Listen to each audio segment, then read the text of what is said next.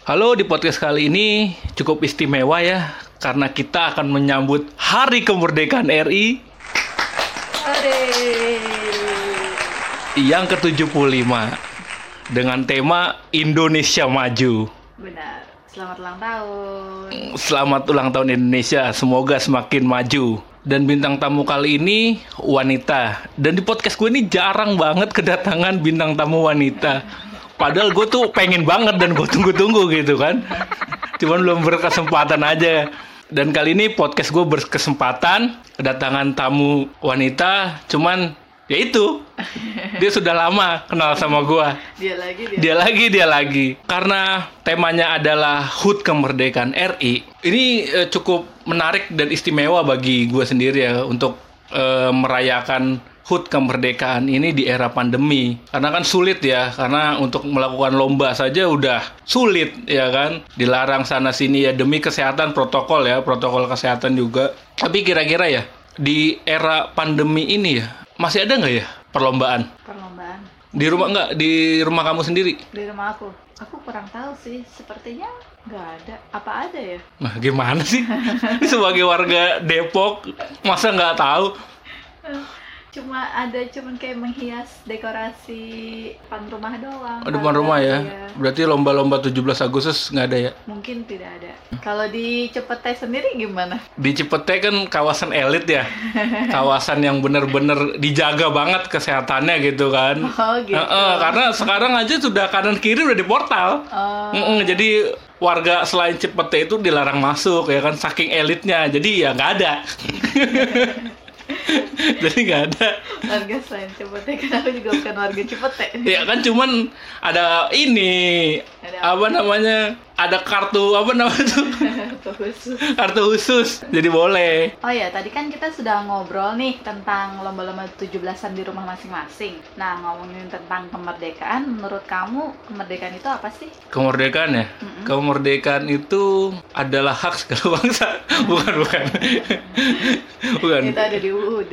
Bukan. Jadi kemerdekaan menurut gua adalah suatu kebebasan yang di mana kebebasan itu tidak menghalangi orang untuk melakukan aktivitas atau hak berpendapat, hak apa pun juga, tapi dengan aturan-aturan yang berlaku. Karena di Indonesia sendiri kan menganut eh, negara hukum ya.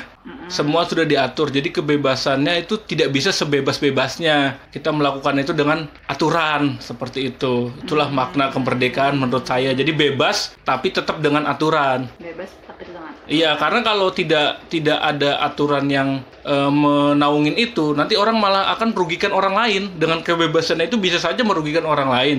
Contoh misalnya di jalan nih. Contohnya kita eh, berkendara motor ya, agar tidak mengganggu hak yang lainnya atau menyelamatkan diri kita. Kita ikuti kan rambu-rambu yang ada, lampu merah berarti harus berhenti. Ya kan kuning bersiap-siap, hijau jalan. Seperti itu. Coba kalau coba kalau nggak ada aturan seperti itu kan itu kan bisa membahayakan orang kan.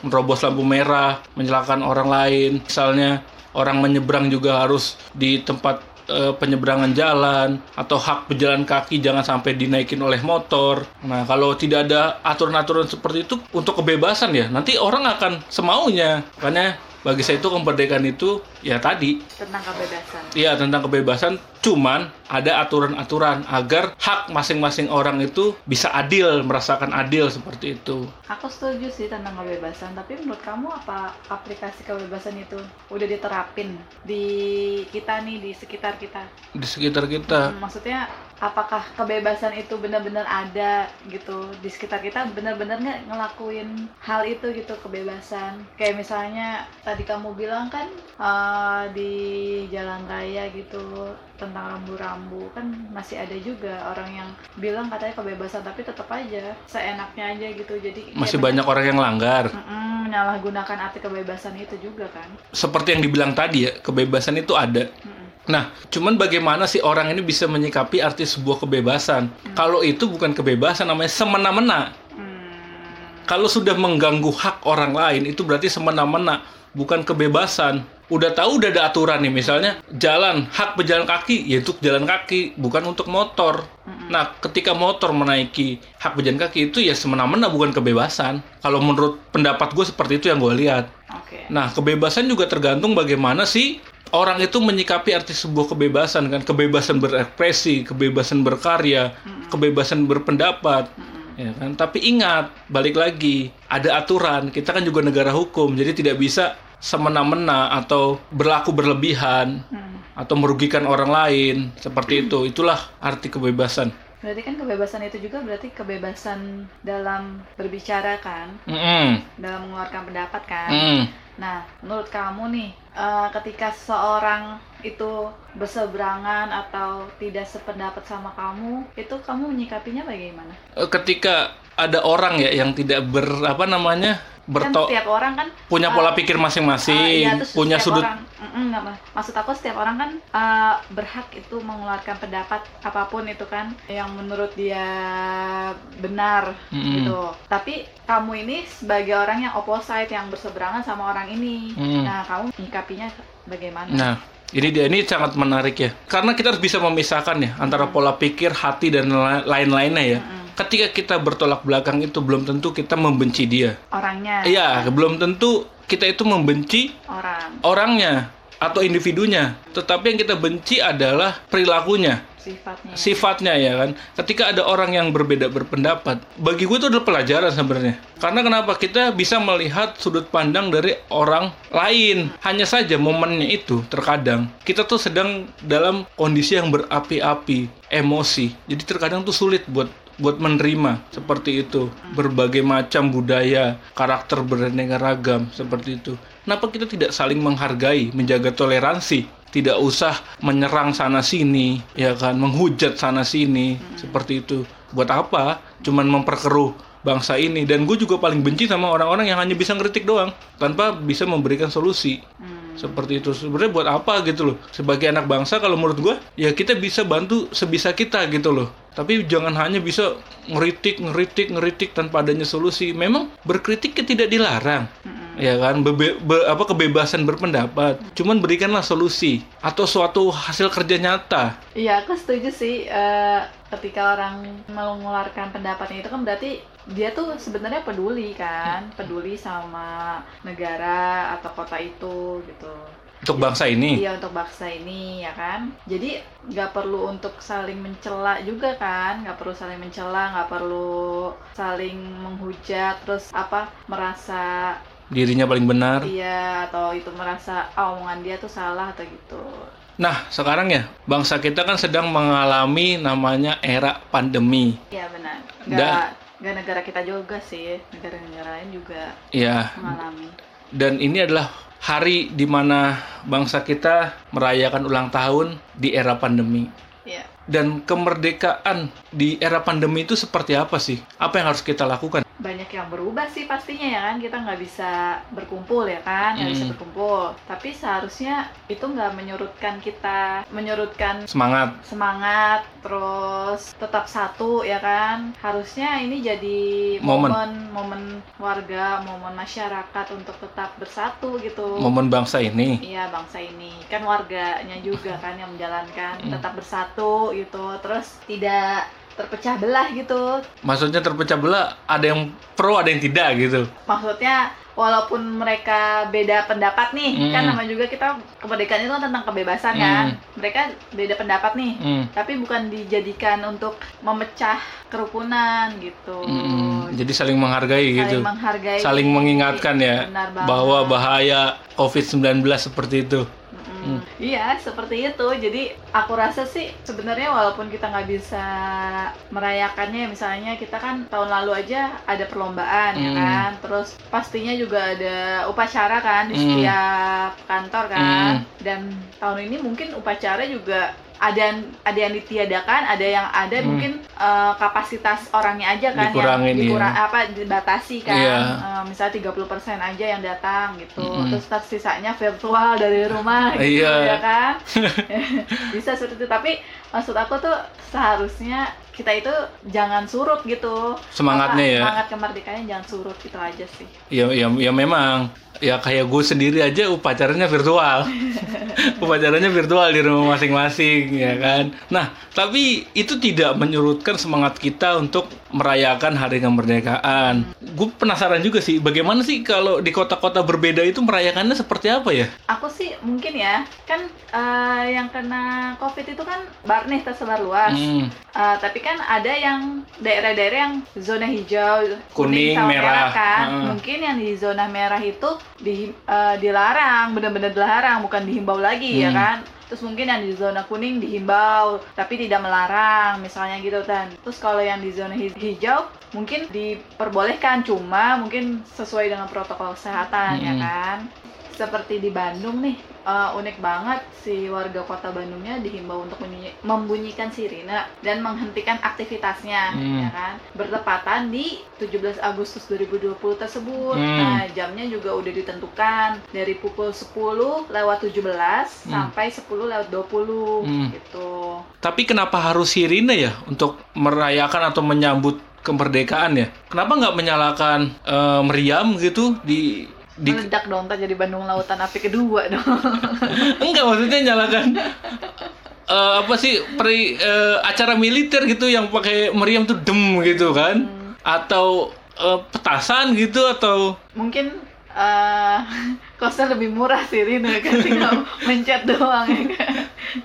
Atau mungkin eh, seriusnya lebih hikmat kali. lebih hikmat Iya, soalnya kan sirine itu kan punya makna kan tanda tanda bahaya? bahaya kan kayak sirine ambulans terus apa tuh eh, pemadam kebakaran Hmm. ya kan nah mungkin itu jadi nyambungnya ke era pandemi ini ya kan Itu pendapat kamu? iya mungkin menurut pendapat aku Hmm. gitu Jadi bahwa membunyikan sirine adalah tanda bahwa sedang ada pandemi seperti itu. bukan sedang ada pandemi Un- untuk mengingatkan aja sih ingatkan masyarakat Tetap waspada gitu tetap adanya waspada. pandemi. Iya. Jadi jangan mentang-mentang ini sedang 17-an nih Hmm. terus eh, sebebas-bebasnya aja untuk berkerumunan ya kan Hmm. tanpa adanya protokol kesehatan ya kan.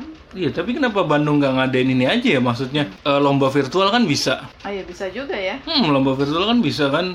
Bandung kan terkenal juga kreatif loh. Iya kayak apa as- apa seninya ya. Mm-mm. Tadi berarti kota Bandung dong ya yang merayakan hari kemerdekaan dengan menyalakan sirine ya? Kalau untuk sirine sih emang Bandung aja. Hmm, Tapi di kota-kota lain hmm, kan tadi kita ngomongin virtual nih hmm, ya kan. Nah ternyata di kota Tangerang hmm, sampingan sama Jakarta itu hmm. pemerintah kotanya itu mengadakan lomba online. Lomba online Iya, untuk keluarga tapi untuk keluarga. Iya, jadi itu keluarga, satu keluarga itu bisa mengirimkan video Hmm, ke akun media sosialnya Pemkop Tang- Tangerang ini ya kan. Nah, lomba-lombanya itu ada kayak joget balon online, terus ada estafet karet online, terus sepeda hias online, makan kerupuk, tuh, terus ada masukan paku ke botol juga. Jadi eh, dilakukannya satu keluarga gitu, jadi nggak berkerumunan di luar keluarga lain. Tapi jurinya gitu. gimana? Nah jurinya itu katanya sih dari Pemkot Tang- Tangerang sendiri gitu. Jurinya Itu sih kayaknya hanya kayak mana yang lebih menarik atau yang lebih heboh gitu sih. Iya, teman. Kalau misalnya kita buat video terus kayak lomba makan kerupuk, joget balon gitu, terus kan biasanya kalau lomba itu ada pemenang ya. Iya ini Nah, mungkin ini cara menilainya gimana? Dari lucu-lucuan mungkin. Lucu-lucuan keseruan. Tapi tapi kalau boleh kasar, ini ada yang janggal loh. Janggalnya? Ya iya kayak lomba makan kerupuk. Heeh. Ya kan? Siapa yang menilai? Itu kan bisa lomba itu cepet-cepetan. Biasanya kan kita kalau lomba makan kerupuk kan siapa yang paling cepat dia menang kan. Hmm, benar. Lah ini gimana? Apakah se- ini mukbang makan kerupuk? Bisa aja kan ya apa sebuah video itu diedit ya kan? Nah iya, makanya ini agak-agak sesuatu yang menurut gue tuh agak janggal sih. Juga sih. Kayak lomba balon biasanya kan siapa yang balonnya ja- jatuh, eh yang yang tidak jatuh berarti kan dia kan yang menang. Lah ini gimana? Apa apa dilihatnya karena seru-seruan atau karena apa gitu? Ya mungkin kayak seru-seruan aja, lucu-lucuan aja mungkin. Tapi ada juga nih yang kota-kota menghimbau bahkan melarang warganya Hmm. untuk mengadakan lomba berkerumunan gitu. Hmm. Salah satunya ada di Depok. Nah kamu kan orang Depok tuh berarti nggak ada lomba. Iya bener ya, Iya. bener juga. Eh, Depok itu tidak membolehkan warganya untuk melakukan perayaan perlombaan Mm-mm. di RT dan RW-nya masing-masing gitu. Berarti baik virtual ataupun langsung itu nggak ada dia? Eh, dia pun juga tidak mengadakan virtual ya, Mm. tapi si wali kota Depok itu eh, mengizinkan kok, tetap mengizinkan untuk melakukan kayak dekorasi gitu di depan halaman rumahnya gitu, Hmm. dekora atau di gedung atau di perkantoran gitu di daerah Depok. Tapi nggak ada ngasih hadiah Pemkab Depok? Nggak ada. Nggak ada ya? Lalu selain Depok nih, ada juga di Padang pun juga begitu, dia melarang warganya untuk apa? Untuk melakukan perlombaan, untuk menjaga-jaga si waspada, Dia lebih melarang apa menghimbau? melarang. Berarti Depok, Padang itu melarang nggak? Iya, benar, melarang. Virtual pun nggak ada. Tidak ada. Jangan salah, bukan Depok Padang aja. Purwakarta pun tidak tidak menyetujui adanya perlombaan di daerahnya. Virtual berarti virtual ataupun langsung juga nggak ada ya? Hmm. Selain itu, Depok Padang. Padang sama Purwakarta. Hmm. Nah, Bogor, Semarang, dan Serang pun juga tidak mengizinkan warganya untuk melakukan perlombaan gitu. Secara fisik maupun virtual. Mm-mm, Ka- Ta- eh, kan kalau fisik, eh, maksudnya kalau virtual itu kan tergantung kebijakan daerah masing-masing ya. Hmm. Sedangkan daerah-daerah yang tadi yang aku sebutin itu emang tidak tidak mengadakan gitu. Hmm, Tapi gimana kalau warga-warganya nakal mengadakan acara tersendiri? Kemungkinan sih ada sanksi. Ada sanksi. Uh, di RT-nya atau RW-nya setempat. Lah, tapi kalau ngadain lomba virtual masa dimarahin? Ya kan kalau virtual kan enggak, maksudnya yang yang menciptakan kerumunan gitu, Hmm. kerumunan fisiknya gitu loh. Hmm, Gitu. Maksudnya menimbulkan hal keramaian Iya. di publik. Mm-mm. Tapi bukan ini ya, jadi kemerdekaan warganya malah jadi dibatasi.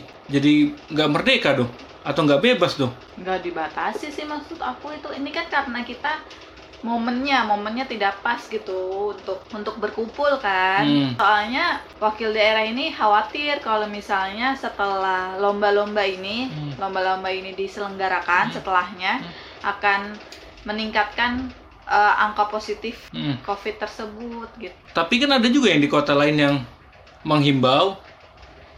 Ada kota-kota lain yang menghimbau. Hmm. Mungkin itu dia di zona kuning atau zona hijau Hmm. ya kan yang yang memang kasus positifnya sedikit bahkan tidak ada gitu. Hmm. Mungkin itu dilarang ya kan kalau Hmm. itu.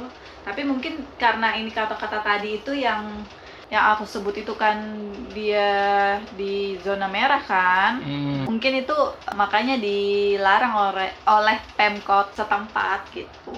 Tapi bukan malah jadi ini ya apa namanya?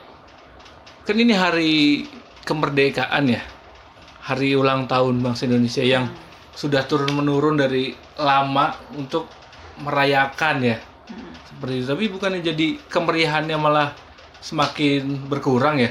Karena kan ada juga yang maksudnya memperbolehkan, tapi dengan Protokol. protokol kesehatan seperti itu atau tetap mengadakan lomba hanya lomba-lomba yang tidak menimbulkan kerumunan kan bisa dong Siapa sih yang bisa menjamin tidak menimbulkan kerumunan gitu? Hmm. Dalam satu RT aja ada berapa warga ya kan? Hmm. Pasti dalam satu RT dalam berapa warga terus di lapangan terbuka ya kan? Hmm. Pasti kan berkerumun gitu. Hmm. Eh, mungkin ini eh, jadi kebijakan untuk mencegah aja sih. Hmm. Soalnya kan nggak bisa menjamin juga dia berkerumunan atau enggak ya Hmm. kan? Lagi pula kemerdekaan itu kan nggak akan surut ka- bukan karena kita nggak ikutan lomba gitu. Hmm. Kemer- Kemerdekaan itu pasti kan kita tanemin di dalam hati ya kan? Mm-mm. tapi bukannya budaya kita gotong royong dari dulu Ya gotong royong, kamu mau gotong royong covid? enggak enggak maksudnya gini loh maksudnya kan kita itu ketika ada acara sesuatu kan gotong royong. Maksudnya adalah eh, di era kemerdekaan ini sayang kalau misalnya tidak apa sih dirayakan dengan eh apa sih namanya tradisi dari nenek moyang seperti itu. Ya aku paham sih, cuma kan momennya aja sedang tidak pas di tahun ini ya Hmm. kan? Eh, kita tuh udah apa mengalami Pandemi. pandemi ini berapa bulan ya kan? Hmm. Hampir lima bulan lebih ya Hmm. kan? Tanya mungkin harus dimaklumin aja kali ya untuk kita Hmm. tidak menciptakan kerumunan di publik Mm-mm. gitu. Jadi mungkin ditunda dulu gitu 17-annya atau tunggu sampai tahun depan lagi gitu. Hmm. Ya, bukan berarti di era pandemi ini kita tuh kehilangan momen kemerdekaan karena Iya sih. banyak cara yang bisa kita lakukan kan. Ya contohnya kan mungkin eh Teralihkan. ya teralihkan. Warga juga bisa menahan diri dulu. Mungkin Seperti- jadi lomba-lombanya jadi ke virtual semua bisa ya kan. ke virtual atau misalnya eh, tetap mengadakan cuman dengan protokol kesehatan Mm-mm. atau dikurangi jumlahnya seperti itu. Kan bisa saja bapak ibunya ya udah nggak usah ikut biar anak-anaknya aja. Mm-mm. ya kan? Jadi kan mengurangi jumlah. Jadi bahwa eh, yang boleh datang atau mengikuti anak-anaknya saja. Hmm. ya kan? Bapak ibunya ya nggak usah ngasih semangat gitu. Tinggal nunggu kabar bahwa Anaknya menang atau anaknya enggak? menang iya. Anaknya menang. Seperti itu sih kan?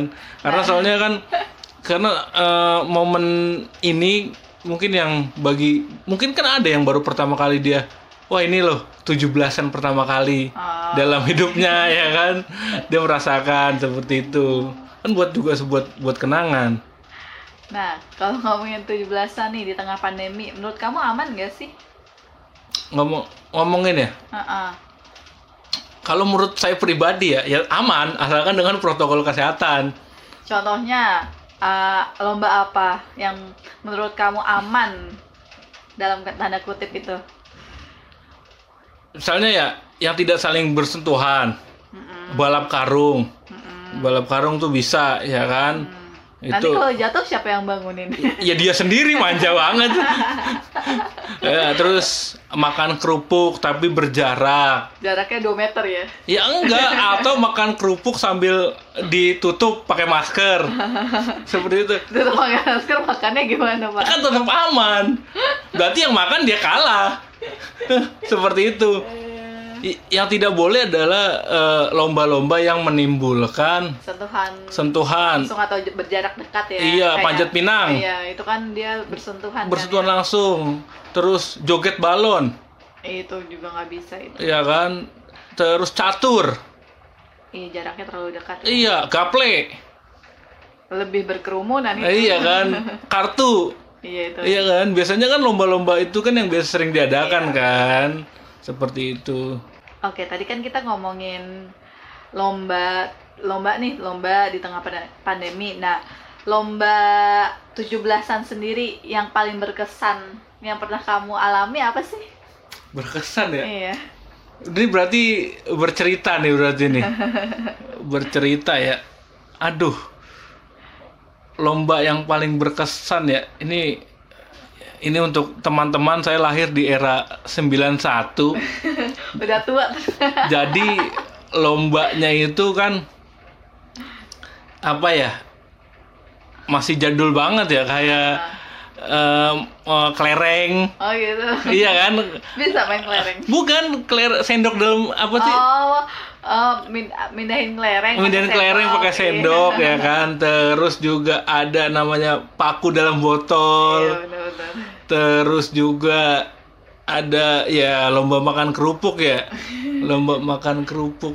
Tapi yang Menang paling? Ya waktu itu karena saya berbadan tambun jadi kebanyakan kalah. Sampai sekarang juga makin masih berbadan besar. Apa ya lomba yang paling berkesan ya? Ya, semua sih berkesan sih karena kan memang momennya itu kita kan merasakan kebahagiaan di situ, kesenangan, keceriaan. Jadi bagi Kebersamaan juga ya. iya, jadi bagi saya itu momen itu adalah suatu semuanya itu berkesan, nggak ada yang tidak berkesan. Mm. Heeh. Nah, tapi lucunya adalah kenapa di setiap 17-an itu selalu ada lomba makan kerupuk? itu nggak pernah ditinggalin. Kenapa ya?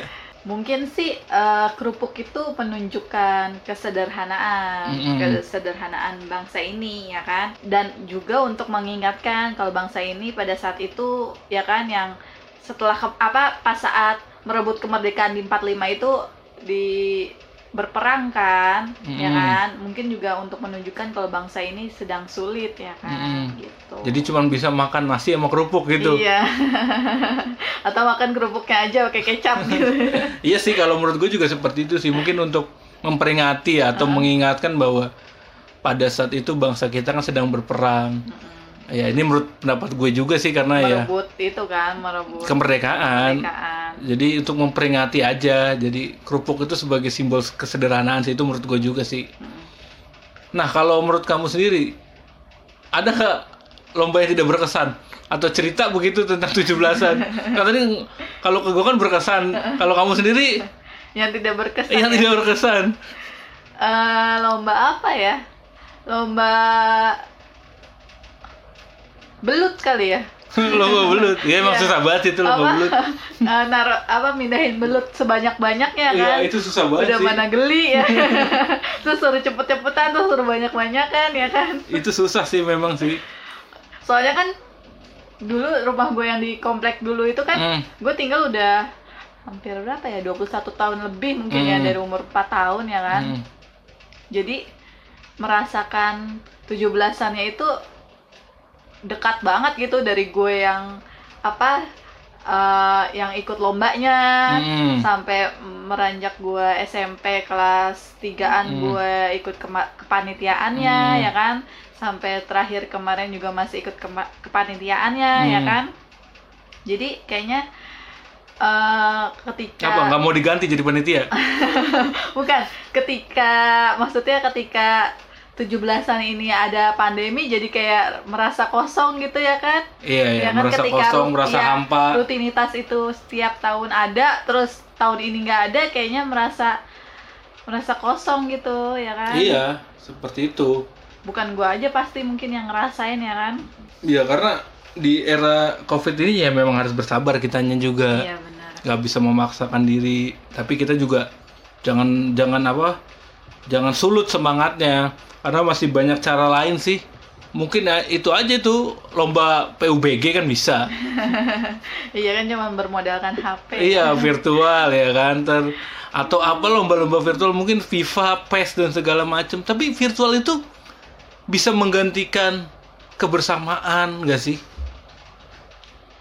Kalau menurut aku pribadi ya, ketika kamu datang nih ke sebuah lapangan acara acara di lapangan Hmm. gitu, terus ketemu teman-teman gitu secara nyata gitu bukan lewat HP itu beda sih rasanya ya kan apalagi juga keseruannya pasti beda maksudnya kita ng- nggak nggak akan tahu gimana cara ketawanya dia ya kan Mm. ya terus kalau misalnya kalah nggak tahu cara kesel atau nangisnya dia ya kan Mm. nggak kelihatan kan kalau secara virtual kita nggak kelihatan kan Mm. Gimana uh, raut mukanya ya kan?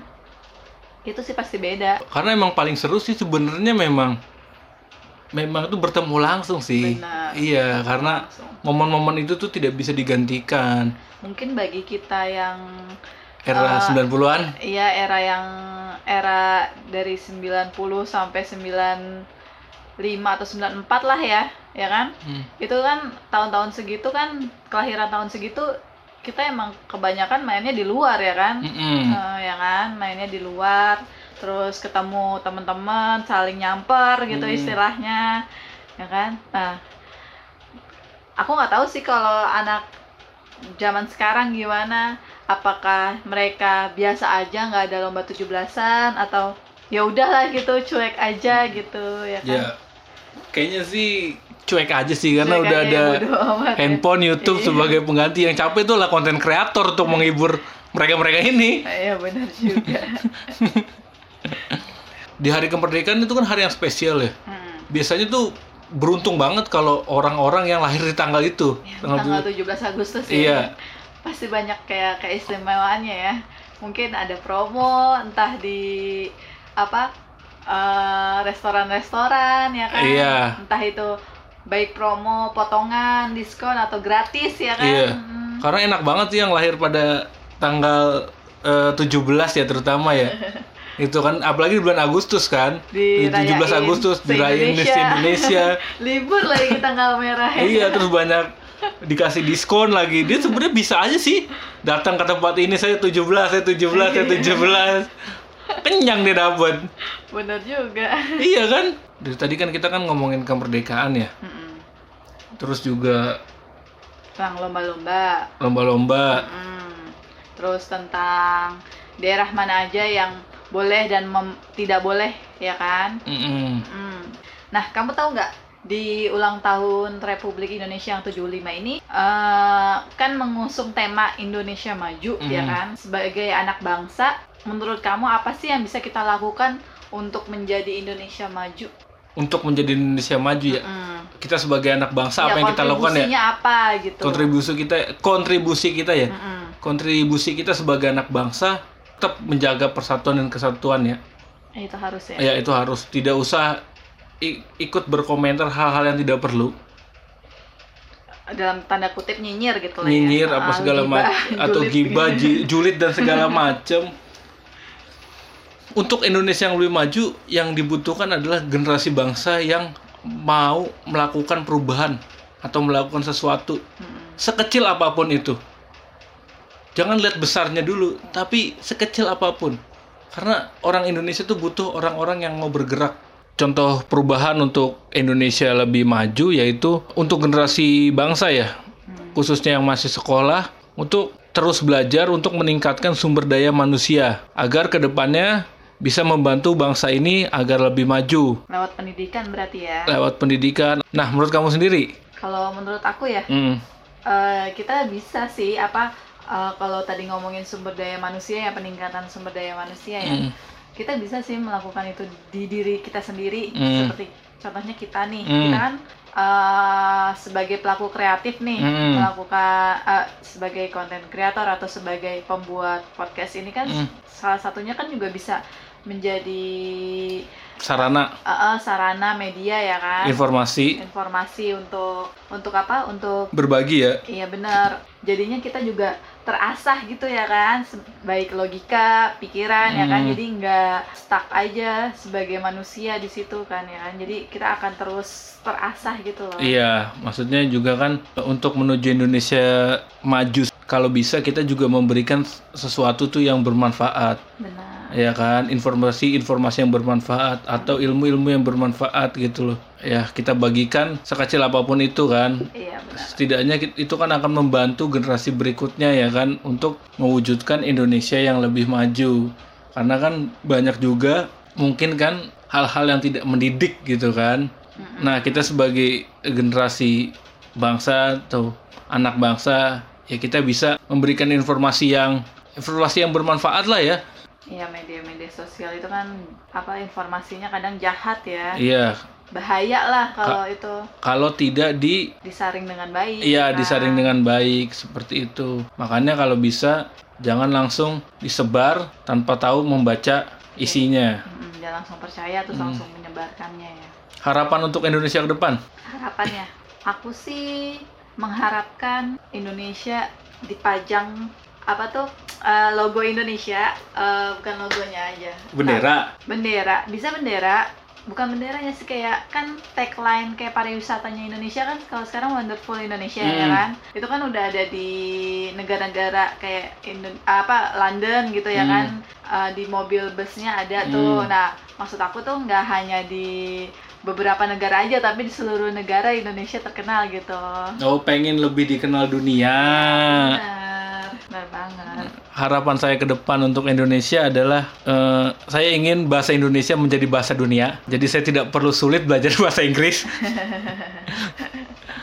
Tapi yang saya inginkan adalah bahwa bangsa ini adalah bangsa yang besar. Saya ingin suatu saat bangsa ini bisa dikenal luas dunia dan bangsa ini bisa menjadi macan Asia kembali yang ditakuti dunia. Ya semoga harapan-harapan itu bisa tercapai. Dirgahayu, negeriku tercinta. Amin. Aku juga ngucapin sekali lagi selamat ulang tahun kemerdekaan Republik Indonesia yang ke-75. Hmm. Eh, harapan yang terbaik, doa yang terbaik untuk Indonesia, untuk Hmm. bangsa ini. Amin. Kenapa kalau ngomongin Indonesia hati gue bergetar ya? Mungkin karena ta- tanah kelahiran kan Iya, karena nama gue juga bagian dari Indonesia. Setiap orang menyanyikan lagu Indonesia, lagu Indonesia eh, Raya Indonesia Raya, pasti saya tuh merasa terpanggil. karena nama saya ada di situ masalahnya. jadi pandu Nah iya, itu tapi nggak tahu kenapa gue cinta banget sama negeri ini. Nggak tahu kenapa. Dari, walaupun banyak polemiknya ya. dari banyak polemik, dari alamnya, dari makanannya, budayanya, bener-bener kaya ya. Bener-bener kaya. Dan nggak tahu kenapa gue tuh kadang suka sedih aja. Apa maksudnya? Kenapa sih Indonesia seperti ini gitu loh? Padahal ini bangsa yang besar negeri yang besar tapi terkadang ya masih banyak lah. Tapi nggak menyurutkan kita untuk mengeksplor apa eh, Indonesia kan kayak pariwisatanya. Iya cuman gue lebih ngelihat itu gue pengen ngebantu negeri ini dengan apa yang gue bisa itu aja sih Amin, Hmm. semoga. Sepertinya pembahasan kita cukup panjang kali ini karena temanya spesial banget ya. Eh, mungkin kita akhiri aja sampai di sini podcast kali ini tentang kemerdekaan Republik Indonesia yang 75. Mm-mm. Terima kasih, sampai jumpa. Bye. Wassalamualaikum warahmatullahi wabarakatuh.